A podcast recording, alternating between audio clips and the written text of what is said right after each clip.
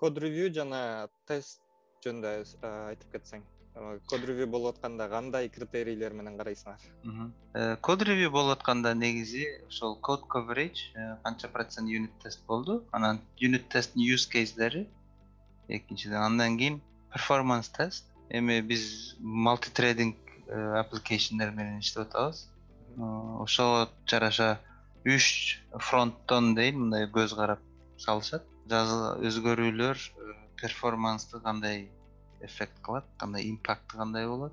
Биринчиден экинчиден туура импакт болуп атабы то есть юнит тесттер туура жазылдыбы юнит тест баардык юз кейстерди ковер кылып атабы. Ушул жагы тест болот. Андан кийин албетте дата инпут дата аутпут дата туура иштеп атабы. Алардын баарынын результаттарын эми бул инпут дата аутпут даталарды ошол тикеттин өзүнө эле койсо болот. Перформанс тест. Ал үчүн өзүбүздүн жанагы пайплайнда перформанс тест кылган жер бар. Ошол жерден өтүшү керек. Андан кийин coverage тест бар. Анын үчүн дагы пайплайн бар. Ал жерден өтүш керек. Андан кийин ревьюерге түшөт. Ревьюер болсо уже мындайча айтканда логический жагын тест кылат да. Программа жакшы жазылдыбы окунучтуулугу кандай оңой түшүнүктүү кайсы жерлерде кандай өзгөртүүлөрдү кылса болот. Эгерде комментарийлер болсо комментарий жазат экинчи ревизионго кетиши мүмкүн. Код экинчи ревизиондон үчүнчүгө кетиши мүмкүн. Бирок биринчи ревизиондо эле бүтүп калышы мүмкүн. Жакшы жазылган болсо ушундай тест болот да. Сен билген боюнча экөөбүз бишкекте чогуу иштеп жүргөндө dот netте жазчубуз да c sharp. Азыр жавага өтүп кеттиңби ошондо азыр кандай десем толук кандуу жабага өткөн жокмун. Анткени котлин э, чыгып калбады. Ошондо э, жумушумдун көп бөлүгү котлинде өтөт кээ бирки бөлүмдөрү жавада өтөт. Э, кээде кээде linux shell скриптинге өтүп кетет кээде кээде рубиге өтүп кетет ар түрдүү. Универсал. Универсал болуп каласың. Себеби программалар э, ушул sqs эле мисалга эле алганда э, бул өзү эле бир канча десем мен мен билгенден бир он бештей башка пакеттер менен иштейбиз. Он беш проект бир эле продукт үчүн. Мен билгеним мен билбегени дагы ушунча болушу мүмкүн дагы он беш болушу мүмкүн. Ошол бир эле продуктту толук кандуу иштетиш үчүн элүү алтымыштай ар түрдүү пакеттер болушу мүмкүн. Анан ар бири ар түрдүү тилде жазылган болушу мүмкүн бирок көбүнчө жава менен котлинде бир кезде ошол тест боюнча экөөбүз эле кайра эле бишкекте иштеп жүргөндө tddге абдан кызыгып жүргөн мезгилибиз эле анкл бобко эсиңде болсо. Ошону азыр э, тест жөнүндө сүйлөп жатканда эстеп кеттим. Колдоносуңарбы tdd же колдонгонго аракет кыласыңарбы? Сөзсүз анткени tdd жөн эле убакытты кыскартат да. Жасаган жумушуңду баштыраак бүтөсүң себеби сөзсүз түрдө код ревьюга кетиш үчүн юнит тест болуш керек coverage. А сен кодуңду жазып бүтүп алып анан юнит тест жазам десең кээ бирки жерлеринен тест кыла албай тургандай жазып койгон болушу мүмкүн. Андан да көп аны кайра өзгөртүп чыгышың керек. Себеби сенин юз кейсиң бар тест кыла турган. А сенин кодуң ыңгайлуу эмес. Иштейт. Э, иштейт бирок. Тест кыла албайсың. Ошон үчүн тест driven development деп коет. Биринчи маанили ушул юз кейстерге маани берип кандай юз кейстер бар? Ошолорго тесттерин жазып анан ошол тесттериң иштейби иштебей атабы деген э, философия менен кодду жазып кетиш керек. Ошондо убакытың бир топко кыскарта аласың да анткени сен уже юз кейстериң даяр сен ошого жараша кодуңду жазып коюшуң керек. Бир аз угармандарга кайра түшүндүрө кетейин. Жалпак тилирээк менен э, tdd ошо тест driven development бул абдан коддун түзүлүшүнө таасир этчү нерсе. Себеби деген э, биринчи код жазып туруп анан тест жазсаң э, тынар айткандай көп нерсени тест кыла албай калгандай жазып койгон болосуң да анан э, биринчи тест жазып анан кийин код жазып көрсөңөр. Мисалы ким программист болуп код жазып атса бул сиздин оюңарды же болбосо жана ошондой эле жазып аткан коддун структурасын абдан өзгөртчү нерсе да. Анан жеке эле tdd эмес эми тест эмес. Ошол анкл боб өзүнүн аты роберт сесиль мартин толук аты солид деген принциптерди абдан жакшы популярдуу түшүндүрүп берет. Солид деген ошол кодду кандай жазып кандай дизайн кылыш керек бири бири менен кандай иштеш керек дегендин баарын ошол принциптерин айтат да. Солидти колдоносуңарбы тылнаш албетте. Код ревьюга келгенде ошол солид принциптер сакталабы сакталбайбы сөзсүз код ревьюдан өтүш керек. Абдан маанилүү экен да э? абдан маанилүү дал келбей атса анда код мисалы түшүнүксүз болуп аткан болушу мүмкүн. Же кандайдыр бир проблема багтарды алып келиши мүмкүн. Ошон үчүн э, мүмкүн болушунча солид колдонобуз. Андан сырткары көп да принциптер. Runtime complexityn эсептеп чыгабыз. Space complexityn эсептеп чыгабыз. Эгерде мындай чоң өзгөрүү киргизип аткан болсо булардын баарын сөзсүз түрдө эсептелип чыгат. Перформанс малтитрейдинг колдонуп атасыз. Мисалы конкурент конкуренция. Рейс кондишн болуп калышы ыктымалбы ушул сыяктуу көп нерседен тесттен өтөт да код. Продакшнга кетерден мурун аябай көп жерден өтөт. Бирок бул деген э, эмени билдирбейт? Э, кандайча айтсам анда ал жерде разработка аябай жай кетет турбайбы деген нерсени билдирбейт э, бир эле күндө амазондун ичинде эле канча миңдеген миллионго жетиши мүмкүн. Код ревью акцепт болуп турат. Аябай көп код өзгөрүүлөр командада бат бат өзгөрүп турат. Программаң бир жылдын аягында эле уже такыр бөлүкчү болуп калышы мүмкүн. Анкл бобдун бир нече э, китептерин айта кетейин угармандарга себеби э, мен өзүм программист катары ушул китептерди окуп баштаганда абдан өзгөрүлдү да көз карашым. Программага кодко негизи айтиге даже общий алганда. Анклбобдун өзүнүн мындай cleancoder точка ком деген сайты бар. Ал жерде көп принциптери жазылган.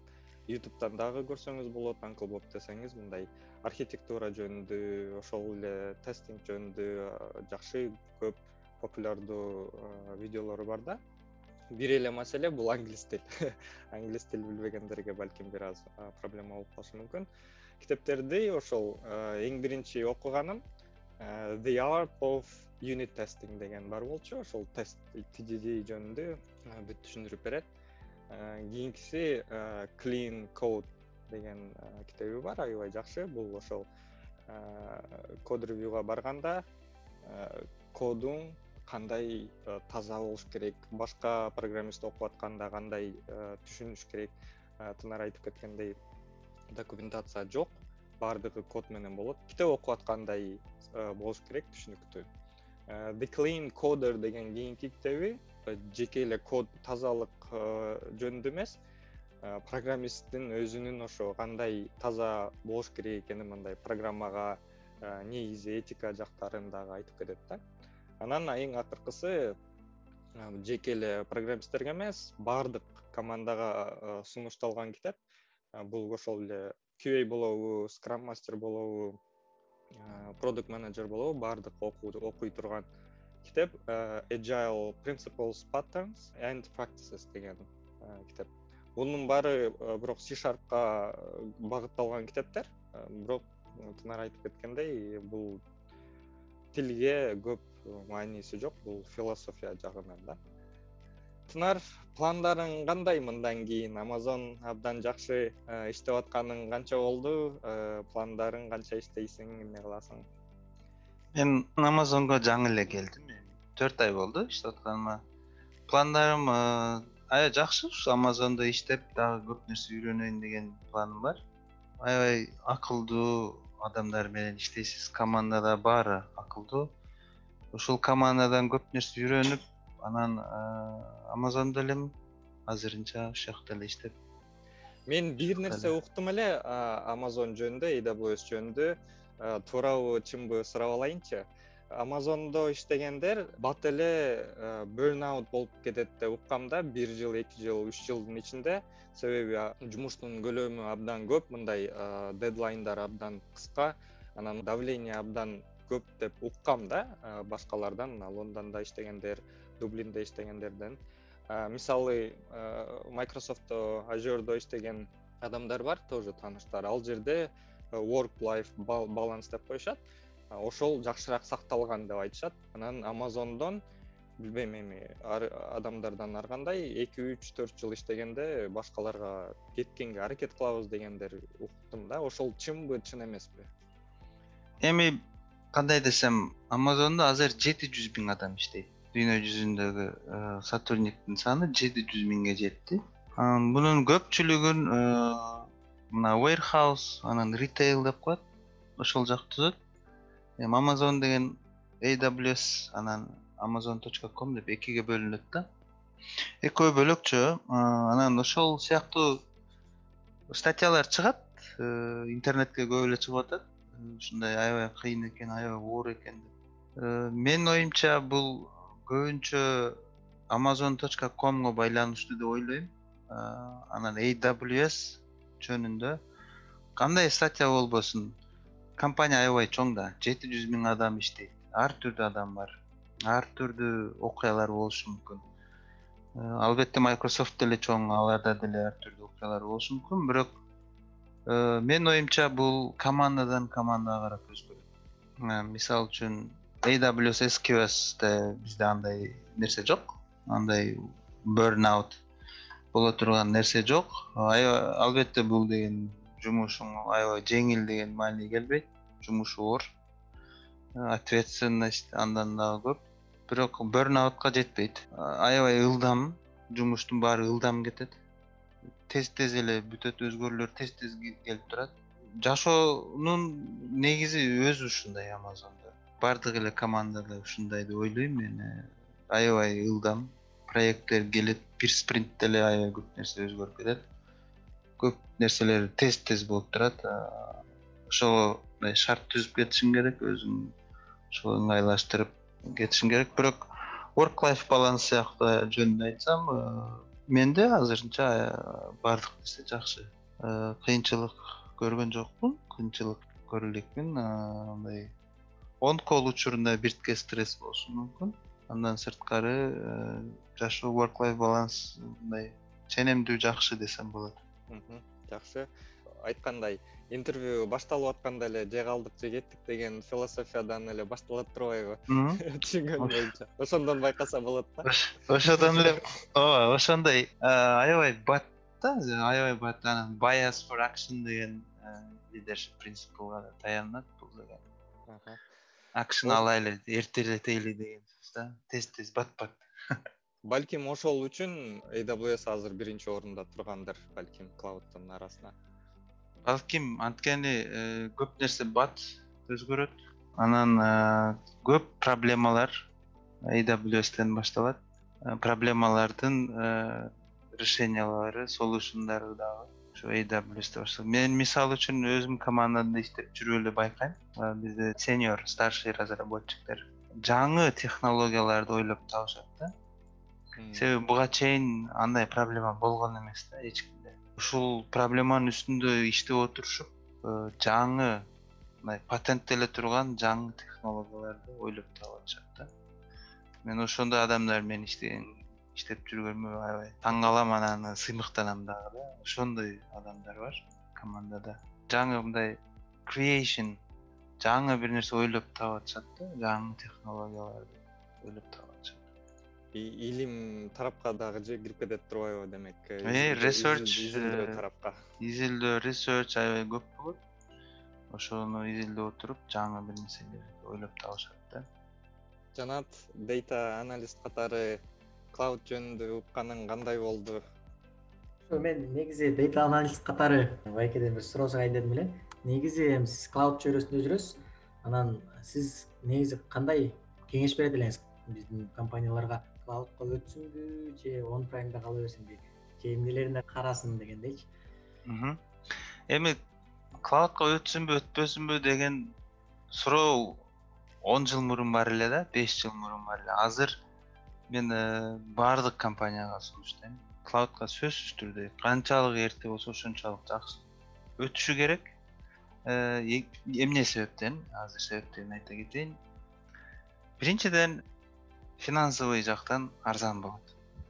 Акчасы арзан болот. Анткени компанияларда мына биг биг дата менен иштеген дата анализ менен иштеген компанияларда жөнөкөй компьютерлер эмес. Ал жерде серверлер турат серверлердин мейнтененстери бар. Аны карап туруш керек сөзсүз түрдө провижнинг кылып туруш керек бирдемеси бузулуп калат же диск бузулуп калат аны оңдош керек cpюсу эскирет алмаштырыш керек сыяктуу.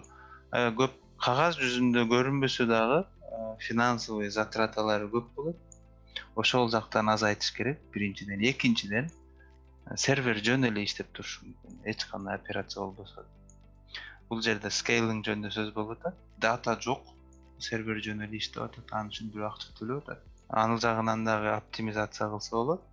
Иштеткен сайын акча төлөйм деген философия менен кетсе болот ошон үчүн мен э, кандай болбосун amazon болобу microsoft болобу google болобу клаудка э, сөзсүз түрдө кетиш керек деп ойлойм. Э, бул as far as go деп коебу э ушул философияга канча колдонсоң ошончо төлөйсүң дегендей. Эми менин эми жеке оюм да байке мен эми бул тармакта изилдеп бир нерсе кылган жокмун бирок маалыматтын көпчүлүгүнө жараша объемуна жараша компания анализдеш керек болуп калбайбы. Анткени маалыматтын көптүгүнө жараша постоянно жана сиз айткандай колдонбой калса жанакындай болсо компанияга ыңгайлуу мындай өтүш керек. Бирок көпчүлүк убакта колдонуп анан датасынын объему аябай чоң болсо бул жакта мындай эсептеш керек болуп калбайбы мындай суроо туруп калбайбы деп атам да мен. Албетте компаниянын эсебин кылыш керек. Өздөрү сервер алып ошонун мейнтененсин өздөрү кылып ал жерде көп да. Мисалы антивирус коюш керек Э, devopsторго network түзүп бериш керек vpn түзүп бериш керек. Э, анан аны постоянно карап турган it саппорт болуш керек. Юзерлерге аксесс бериш керек. Мындайча айтып келгенде аябай көп чыгымы көп да. Э, анан кийин основной программалар канчалык эффективдүү серверди колдонуп атышат. Сервердин кымбатын алып алышы мүмкүн. Анан аз иштетиши мүмкүн. Или арзан сервер алып алышы мүмкүн бирок программам көп болуп калышы мындайча айтканда риск көп да.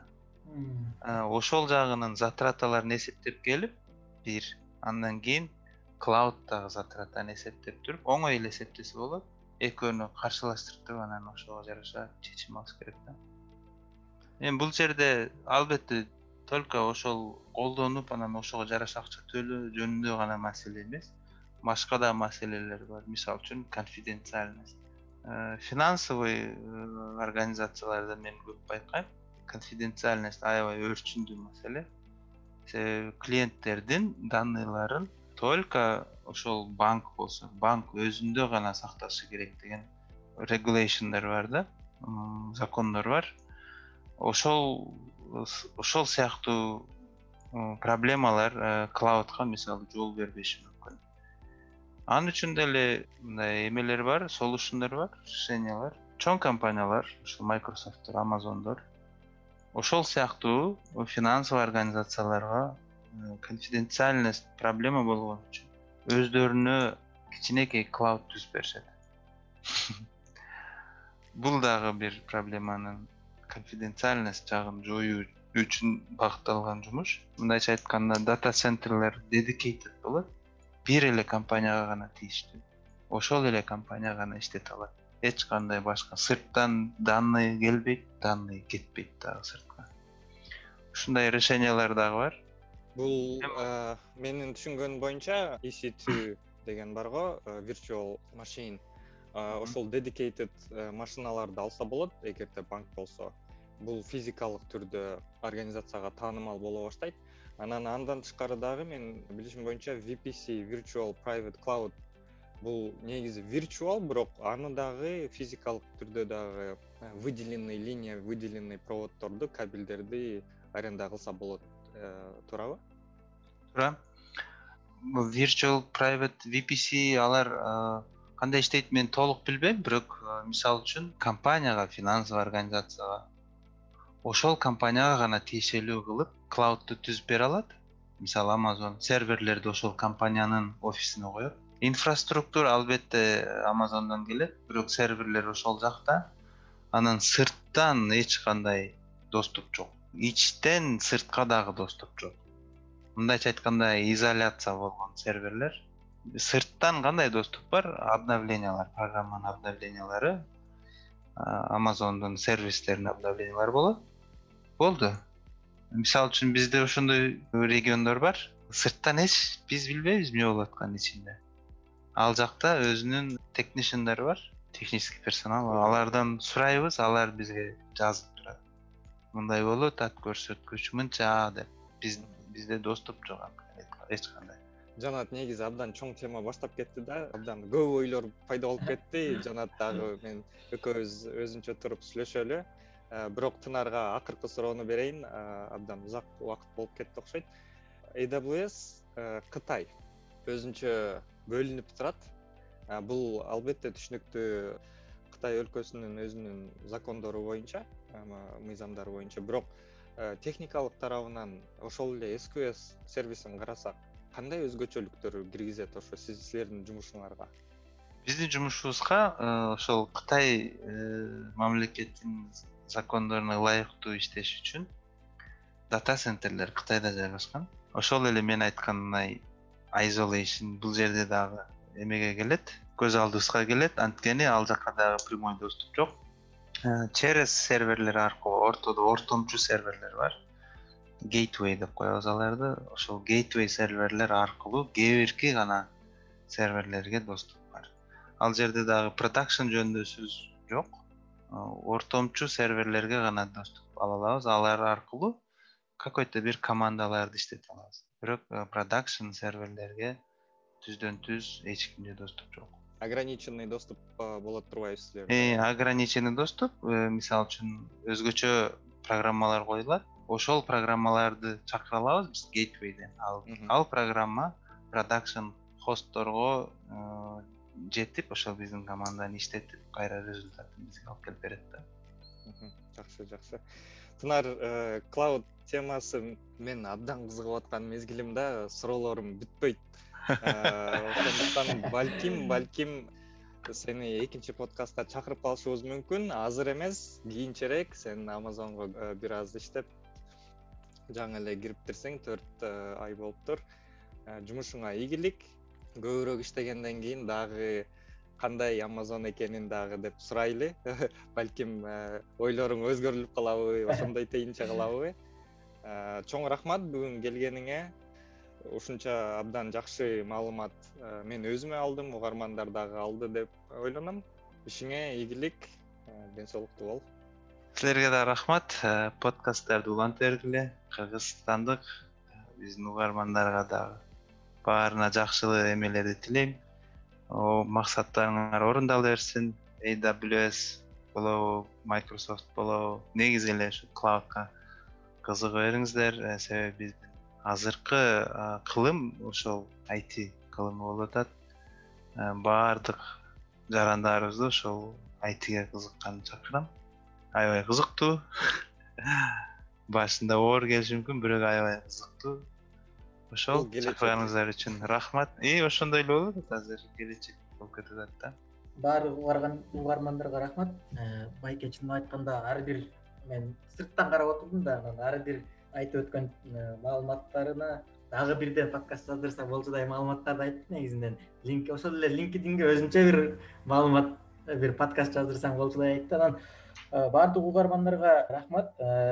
Сиздин байланышам дегендерге ошо артына башка бир социалдык тармактарыңыздын бир шилтемелерин калтырып койсок болобу? Линкедин аркылуу байланышсаңыздар болот. Эми профессионалдуу жашоо ошол линкедин аркылуу. Абдан жакшы. Чоң рахмат тынар арзыматов деп тинден издеңиз анда чоң рахмат. Кийинки подкастка чейин. Сак саламатта калыңыздар. Рахмат. Калыңыздар